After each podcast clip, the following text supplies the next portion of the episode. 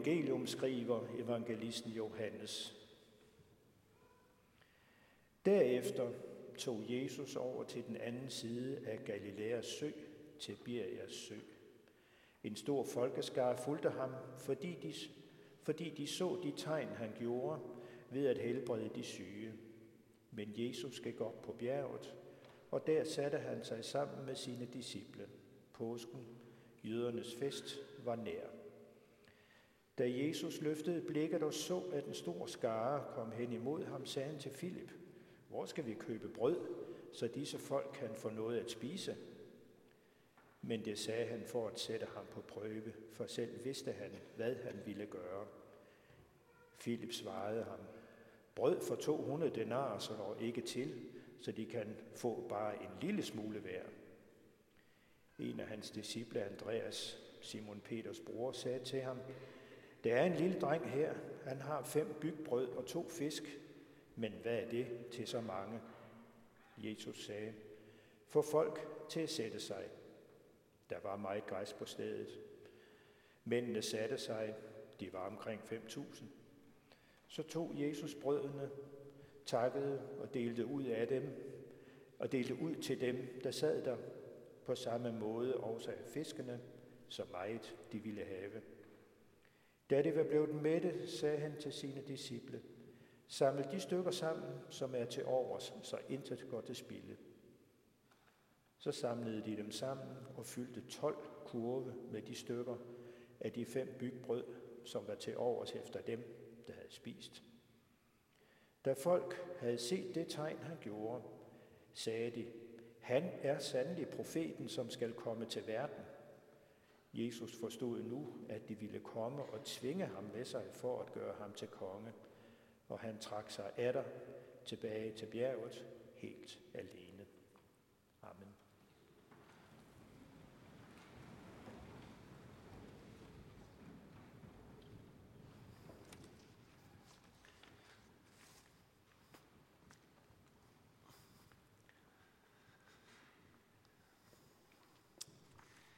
Et amerikansk øh, tidsskrift bad for nogle år siden sine læsere om at indsende den sætning, de fandt allermest trøstende, den som de helst ville høre, og øh, havde mest brug for at høre. De skulle sende en sætning ind, og der kom tusindvis af svar. Og de tre, der til sidst øh, kom flest af, stod højst på listen, det var et, meget overraskende, jeg elsker dig, 2. jeg tilgiver dig. Og så 3. så er der mad.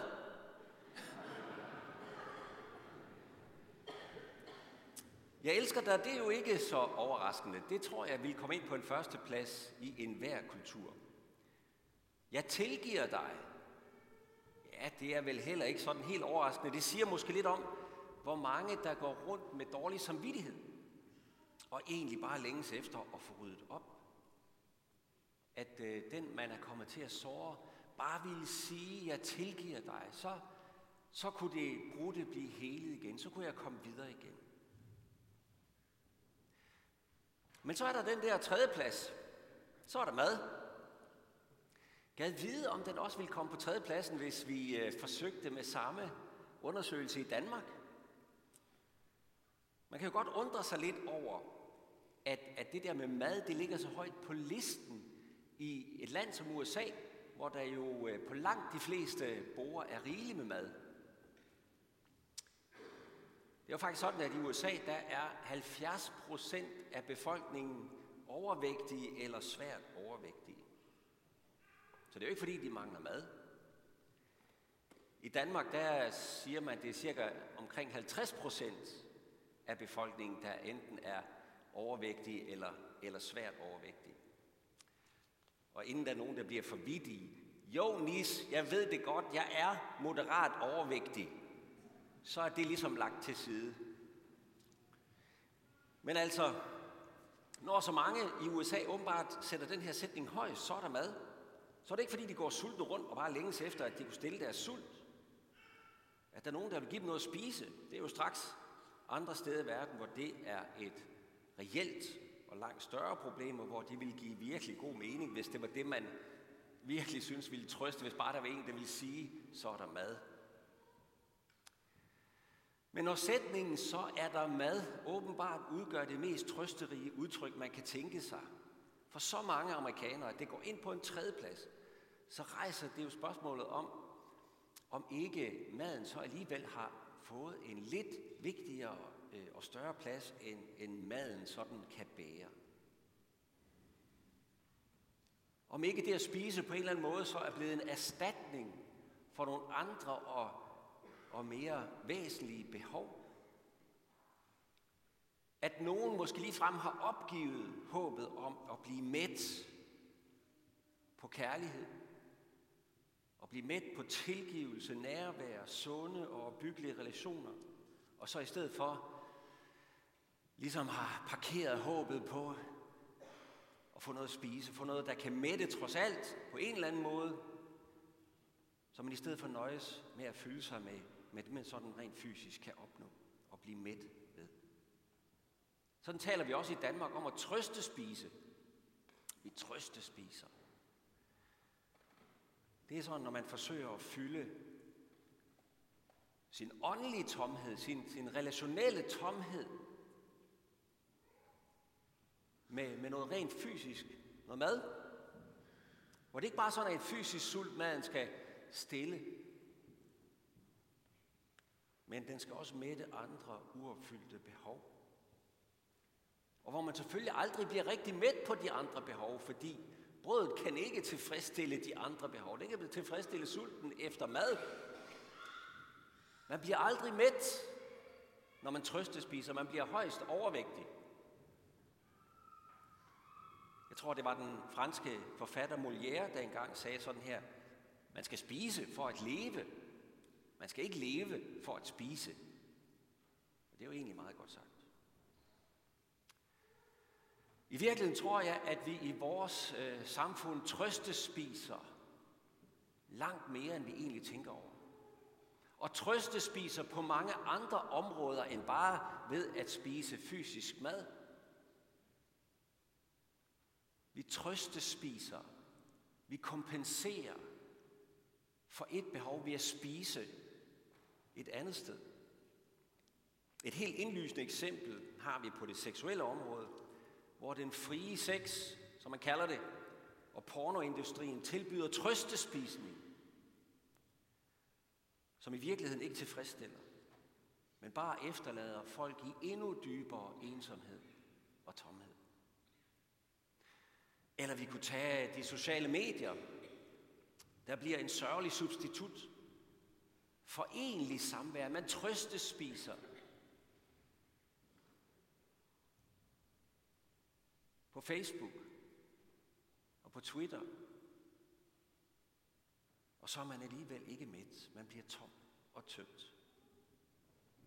Og det kunne vi egentlig godt have boret mere i i dagens prædiken i dag, men jeg har alligevel tænkt mig at gå en lidt anden vej med det. For den her undersøgelse, den her amerikanske undersøgelse, hvis man nu hører godt efter med det sidste udtryk, så er der mad. Så kunne man måske også høre noget andet i det. Og noget mere positivt. Fordi sætningen forudsætter jo, at der er et fællesskab. At der er nogen, der siger til mig, så er der mad. Det er jo ikke bare mad, den handler om den sætning, men den forudsætter et fællesskab, præcis som de to andre gør. Er der en, der siger til mig, nu skal vi spise sammen. Kom og vær med. Og set fra den vinkel, så er det her udtryk, så er der mad jo ikke så forskelligt fra de to andre. Det tilføjer bare et fysisk fællesskab omkring, jeg elsker dig, jeg tilgiver dig. Måltidsfællesskab handler om mad og mæthed. Det er jo omgængeligt naturligt fysisk behov for næring, der skal mættes der. Men det er også mere end det. Måltidsfællesskabet handler om det trygge, mættende fællesskab der omkring bordet. Om den kærlighed, som ikke bare bliver meddelt i ord, jeg elsker dig, eller jeg tilgiver dig, men også bliver meddelt rent praktisk gennem den tid og energi, der er lagt i indkøb, i tilberedning af maden, i borddækning og alle forberedelserne omkring det, så er der mad. Det rummer i sådan en sammenhæng jo en stor vægt af familie, af omsorg, kærlighed, nærhed, fællesskab, tilhørsforhold, og endda tilgivelse. Ja, jeg ved godt, der lige har været en konflikt i familien. Jeg ved godt, vi lige var oppe at toppes. Men så er der mad. Kom, du har også din plads ved bordet. Du hører også med her. Hvis vi ser det fra den vinkel, så er der mad. Så er vi så småt ved at nærme os noget, der kan belyse den historie, vi hørte Mogens læse for os lige før. Beretningen om bespisningen af de 5.000. For det første, vi kan lægge mærke til, det er jo, at Jesus ja, har omsorg for de sultne. Han møder dem der, hvor deres behov er. Jesus var ikke bare optaget af menneskers åndelige ved og vel. Han havde en akut omsorg for de syge, for de udstødte, for de sultne. Præcis der, hvor deres behov var, havde han omsorg for dem. Og her var en stor flok så endt i en situation, hvor der ikke var noget at spise. De blev sultne, fordi jamen, de ville bare høre Jesus. De bragte deres syge til ham, og der var så mange. Og, og de ventede selvfølgelig, og pludselig så var de løbet tør for mad. Og Jesus sørger for det.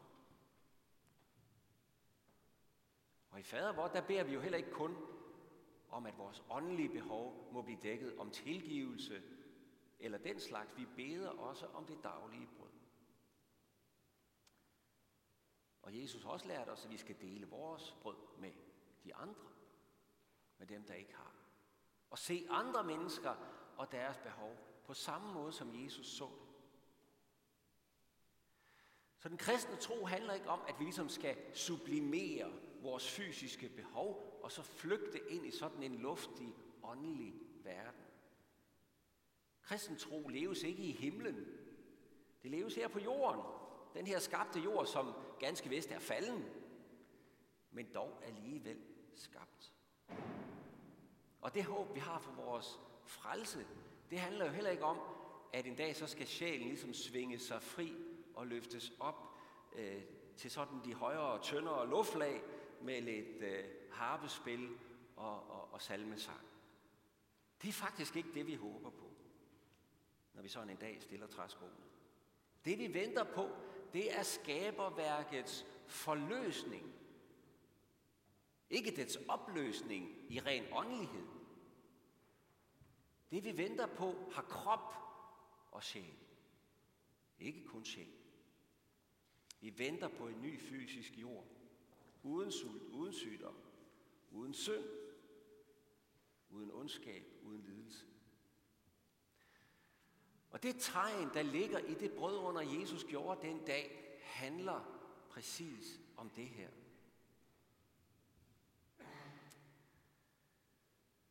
Det handler om alle vores behov for at høre til, for at være skabte mennesker, for at være frelste mennesker. Brødrene siger, så er der mad. Så er der mad. Men vel at mærke ikke kun sådan i det rent, altså jeg er hundesulten, giv mig så noget at spise, forstand. Ikke bare i ren madforstand. Brødunderet er ikke bare sådan noget med fedt en gratis burger. Det er meget dybere end som så. Brødunderet rummer måltidsfællesskabets dybde, og den kærlighed, Gud har investeret i os fortabte, forvirrede, forvildede og sultne mennesker på fysisk og åndelig plan. Brødrene, det rummer Guds rundhåndede tilgivelse. Jeg ved godt, at du har gjort oprør mod Gud. Jeg ved godt, der er en stående konflikt mellem dig og mig, og du har så mange spørgsmål, og der er så meget, der ikke hænger sammen, og dit liv har også sorte pletter indimellem. Jeg ved det godt. Men kom nu. Og så er der mad. Kom og spis. Kom og vær med. Jeg har gjort alt rede for jer. Jeg har dækket bordet. Jeg elsker dig. Jeg tilgiver dig. Så er der mad. Jesus udlægger faktisk det her tegn med brødunderet for os selv i øh, Johannes evangeliet der. Det kommer frem, hvis man læser videre frem i teksten, det har vi så ikke gjort. Men de begyndte at lede efter Jesus bagefter, fordi ja, de ville gøre ham til konge. Vi kan da godt forstå, at det er egentlig ikke en konge, der lige kan skaffe brød til alle. Det var da ikke dårligt. Men det var ikke helt sådan, Jesus ville være med. Han siger til dem, da de finder ham, sandelig siger jeg, I leder ikke efter mig, fordi I fik tegn at se, men fordi I fik brød at spise og blev mætte. Arbejd ikke for den mad, der forgår, men for den mad, der består til evigt liv. Den, som menneskesøn vil give jer. Det er mad, der består til evigt liv, som menneskesønnen vil give jer. De så maden, de så brødet, men de så ikke tegnet. De så en skaffer i stedet for. De så ikke den rigdom, der lå i, hvad det var, Jesus gjorde, hvad det betød for dem for tid og evighed. De havde ellers alle forudsætninger, fordi det Jesus gjorde, skete ikke uden blå luft. Det skulle have fået en klokke til at ringe. For de kendte jo godt Bibelen. Og de kunne også godt huske den historie, som Mogens læste lige før, om den gang Gud skaffede brød i ørkenen, da de fik manna i ørken. Hvor de var sultne, og de var et sted, de havde ikke noget at spise. Og Gud gav dem manna. Og nu gør Jesus det samme. De havde godt set, at der var en parallel, fordi de spørger sig selv, er, er Jesus mund den profet, som Moses snakkede om dengang ude i ørkenen, der skal komme? Det havde de fanget. Men de må have glemt, hvad Moses dengang forklarede. Den, hvad Herren forklarede sit folk dengang. At den manna, som de fik fra himlen, skulle lære dem, hvad? At mennesket ikke lever af brød alene, men af et hvert ord, der udgår fra Guds mund. Og når Gud en dag sender en profet, sagde Moses, ligesom mig, en der taler Guds ord, så skal I lytte til ham og adlyde. Så skal I lytte til hans ord. For mennesker lever ikke af brød alene, men af et hvert ord, der udgår af Guds mund. Vi lever ikke af brød alene. Det ved vi godt. Af brød alene dør vi, uanset hvor meget vi trøste spiser. Vi har brug for kærlighed, vi har brug for tilhør, for fællesskab, gensidig omsorg, tilgivelse, noget at leve for, og ikke bare noget at leve af. Vi har brug for ånd.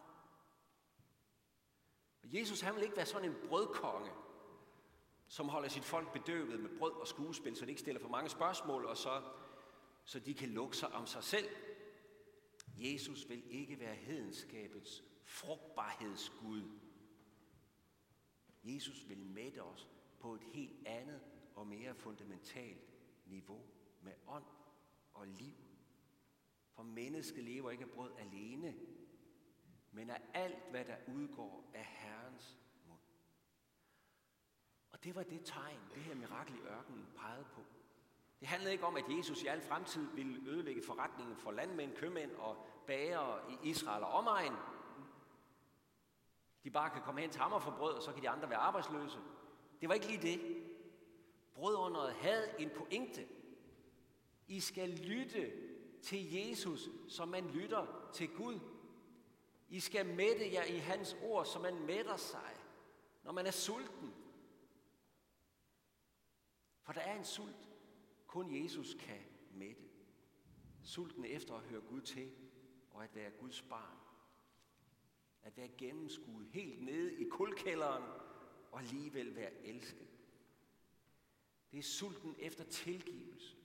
Sulten efter mål og mening. Sulten efter en retning at gå. Fordi jeg ved, hvor jeg kommer fra og hvor jeg skal hen. Sulten efter ægte fællesskab, hvor jeg er set og anerkendt og elsket, som jeg er. Sulten efter et sted, hvor al skam og skyld har mistet sin magt. sulten efter at Guds kærlighed endelig sætter sig igennem og sætter mig fri til at elske både ham og næsten. Det er det brød under handler om. Det var det, de skulle have set og forstået, og det er det, vi skal se og høre og forstå i dag. Hvordan, hvordan så praktisk? Hvordan mødes min sult med den mad, Gud vil give? Hvordan kan jeg leve af Guds ord? Hvordan kan jeg mætte mig? Spise det brød, der udgår af Guds mund. Her bliver vi meget let forvirret, tænker jeg. Når det har med ånd at gøre, med Gud at gøre, så begynder vi ofte at lede i os selv efter troen, efter dybden af vores indre overbevisning, af vores indre åndelige mæthed, vores eget, eget selvværd, og om vi nu er gode nok, om vi nu er elskværdige nok, og så videre, og så videre, og så videre. Og når vi gør det, så spiser vi af os selv, af hvert et ord, der udgår fra vores indre. Så æder vi os selv, og det bliver vi altså ikke med af. Prøv at tænke en gang, hvis du længes efter, at en helt bestemt person, som du holder rigtig meget af, skal sige, jeg elsker dig til dig. Du længes efter at høre det fra den her person. Jeg elsker dig. Jamen, så bliver du ikke med af at rode rundt i styrken af din egen forelskelse i den person, og hvor meget du føler for vedkommende, og hvor meget du elsker, og hvor meget det ene og det andet. Du bliver kun mæt, når du hører ordet af hans eller hendes mund.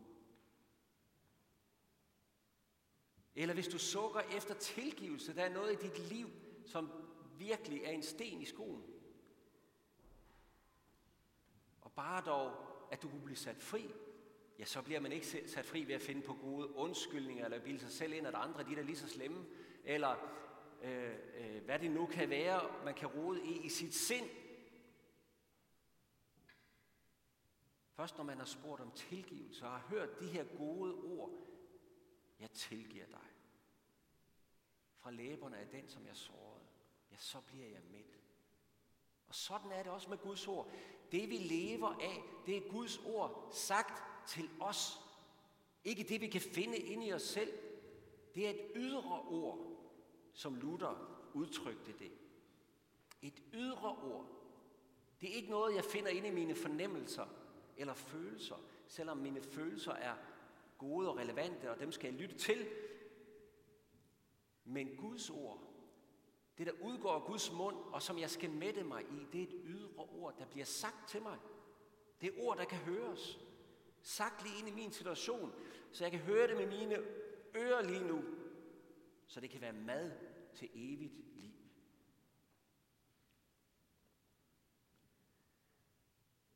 Når vi hører Guds ord, så er det Jesus, der taler og deler ud af livets brød. Og han siger ikke bare sådan, jeg elsker dig, jeg tilgiver dig, sådan letkøbt uden dæk, dækning. Det er korset jo et bevis på. Der tog han din dommedag på, dig, på sig, for at du skulle gå fri. Fordi han elsker dig og tilgiver dig, som ingen anden nogensinde har villet eller kunnet. Og det er det Guds ord, vi skal leve af og spise. Og faktisk spise helt konkret. Fordi Jesus udlægger selv brødunderet på den her måde lidt senere i Johannes 6. Han siger til dem, jeg er livets brød, den der kommer til mig skal ikke sulte, den der tror på mig skal aldrig tørste. Jeg er det levende brød, som er kommet ned fra himlen. Den, der spiser af det brød, skal leve til evig tid, og det brød, jeg vil give, er mit kød, som gives til liv for verden. Jesus har elsket dig og tilgivet dig helt konkret, så du kan spise af det. Og det er selvfølgelig nadvåren, Jesus peger på. Og han nøjes ikke med at sige, jeg elsker dig. Jeg tilgiver dig. Men han sagde også, så er der mad. Så er der mad. Kom og spis mit ord til dig, så du ikke skal være i tvivl. Så du kan smage, at jeg er død til liv for dig Som han sagde Johannes der efter brødunderet, den der spiser mit kød og drikker mit blod, har evigt liv, og jeg skal oprejse ham på den yderste dag. For mit kød er sand mad, og mit blod er sand drik. Den, der spiser mit kød og drikker mit blod, bliver i mig, og jeg i ham. Det er det ord, du kan spise af. Det ydre ord til dig, du kan tage et bid af og spise til liv. For det er så sandt, som det er sagt, og det er så sandt, som det er smagt. Nu har jeg mad i munden, det var ikke så godt. Sådan er nadvåren kirkens måltid, gudstjenestens centrum. Det er gudstjenestens klimaks. Det er ikke prædiken, det er ikke lovsangen, det er ikke bønderne. Nadvåren er klimaks. Det er et ydre ord fra Gud, du kan spise. At Jesus gav sit liv for dig. Her siger Jesus på én gang, så er der mad, for jeg elsker dig, og jeg tilgiver dig. Og her kan vi spise os ind i den dybeste, evige, mættende trøst. Det er brødunderets dybeste hemmelighed. Og du er inviteret med til at spise dig mæt. Lov og tak og evig ære være dig, hvor Gud, Fader, Søn og Helligånd, du som var, er og bliver en sand treenig Gud, højlovet fra første begyndelse, nu og i al. Og så skal vi tilønske hinanden,